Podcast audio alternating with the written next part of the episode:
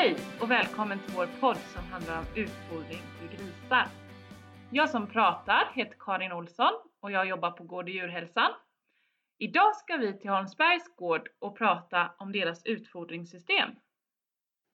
Nu ska vi träffa Mats som äger Holmsbergs gård. Hej Mats, vad snällt att du har tid att ta emot oss.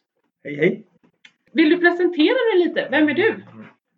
Eh, Jag är lantbrukare, knappt 60 år, eh, bor söder om Kalmar.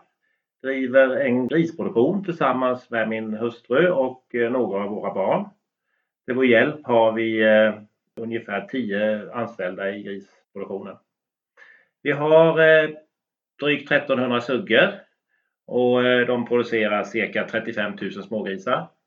Av dem kan vi idag behålla ungefär 27 000 som vi för upp till slaktsvin och resterande säljer vi. Då tänkte jag fråga vad ni har för utfodringssystem här på gården. I princip så fodras alla grisar med blötutfoder. Eh, vi tillverkar också nästan allt fodret själva. Eh, vi köper in eh, spannmål från våra grannar och vi odlar en hel del spannmål själva. I huvudsak vete och korn. Och sen så maler vi det i en i stålskivekvarnar som vi tycker fungerar väldigt bra. Det har vi gjort de sista fem åren ungefär. Innan hade vi eh, hammarkvarnar. Vi kör det också genom en sållrens innan det går igenom kvarnen och det får vi två effekter. Dels får vi bort kanske lite damm och eventuellt lite mögel. Det är ju mindre mögel i, spannmål som har gått genom en sållrens än det som inte har gått. Och sen så blir det jättelite slitage på kvarnen. Vi kör ju igenom ungefär eh, 7000 ton spannmål varje år genom kvarnen och den har gått fyra år nu utan att vi har bytt några skivor i den. När vi hade hammarkvarnar fick vi byta såll och slager kanske en gång i månaden. Så Det är ju väldigt bra. Sen eh, har vi då ett eh, blötfodersystem som jag nämnde och eh, för fem år sedan så startade vi med att köra restlöst. Eh, innan dess så hade vi det vanliga systemet med gamla blötfoderanläggningar. Och eh, från och med ett år tillbaka så är i princip alla anläggningar restlösa. Hur tycker du att det här nya systemet funkar, det lästlösa systemet? Eh, I stort sett bra. Man kunde ju det gamla, jag har ju varit grisbonde i 35 år eller någonting sånt och vi har haft blötutfodring under hela tiden. Så att det andra systemet kunde man ju utan till liksom när det krånglade och hur man skulle ställa in och sådär. Det här restlösa, när man tittade på det för första gången så såg det ju väldigt komplicerat ut. Ehm, och eh, det tog väl också kanske en månad att lära sig när man hade kört igång och prövat på de här sakerna som inte riktigt funkade och visste hur man skulle ställa in det. Annars måste jag säga att det har fungerat eh, väldigt bra, eh, det restlösa. Jag skulle aldrig välja något annat idag. Vad, vad var det som fick dig att byta från det gamla rundpumpningssystemet?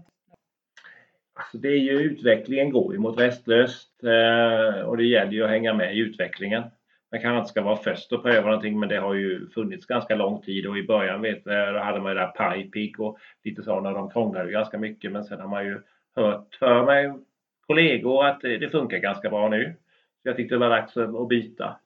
Ehm, fördelarna med det är ju dels att eh, du inte har eh, fodret stående i ledningarna när de, när de inte används.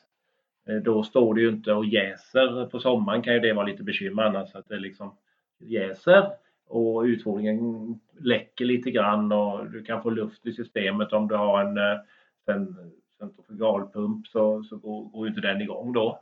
Eh, Likaså så får, får du de här bakterierna som tar bort proteinhalten.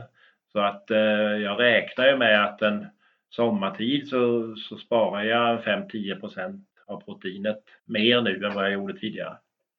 Likaså så blir det ju mycket mer flexibelt om du vill köra eh, som i suggstallet så har vi ju olika foder, eh, vi har ju olika faser och i slaktsvinen kör vi också olika faser. Och ska du ha eh, en stor mängd stående i ledningen så blir det mycket mer komplicerat då. Du kan ju lätt byta fodersystem för du har ju tomma ledningar. Va? Ser du några nackdelar med systemet?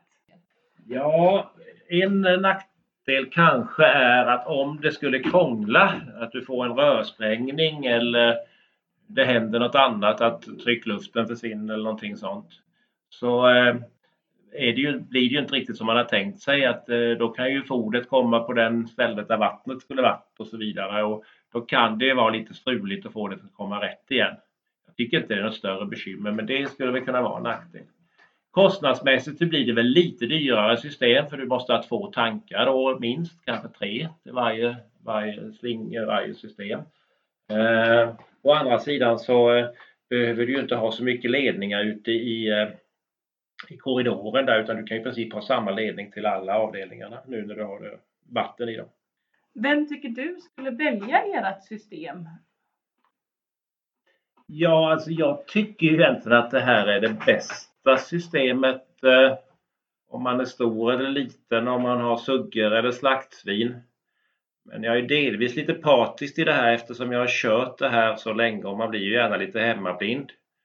Eh, jag har svår, jag tycker nog att jag skulle ju satsa på det igen, det skulle jag göra. Avslutningsvis, vad skulle du välja för system om ni fick börja om från början med all utfodring på hela gården? Ja, det blir nog ganska likt det vi har nu. I framtiden är det nog så att eh, man eh, kommer använda mer och mer komponenter hemma. Och därför så, jag har fem foderfickor idag till kvarnen och fyra koncentratfickor. Och jag tyckte det var ganska mycket när jag satte igång men eh, nästa gång om man skulle bygga nytt skulle nog man ha ännu fler alternativ. Det kan jag väl säga. Sen, sen tror jag att det är viktigt att man väljer ett system där det finns kompetens att hjälpa en när man har bekymmer. För att eh, de felen som uppträder ofta, de kan man ju lära sig att lösa men det kan ju bli något fel i något datasystem eller någon, någon styrning som man aldrig varit med om tidigare och då behöver man ju ha någon människa som sitter med kompetens. Och det behöver ju i sig inte finnas i landet. Om det finns eh, som till exempel här har jag fått mycket hjälp från Danmark och då, vi kan ju vi som bor i södra Sverige förstår ju ungefär vad de säger. Eh, så det går ju ganska bra. Där har de öppet dygnet runt och det, det är ju en fördel när man kan, när man kan få den eh, supporten när det väl behövs, även om det inte är så ofta man behöver det. Tack så mycket för detta Mats och fortsatt lycka till med grisarna. Tackar, tackar!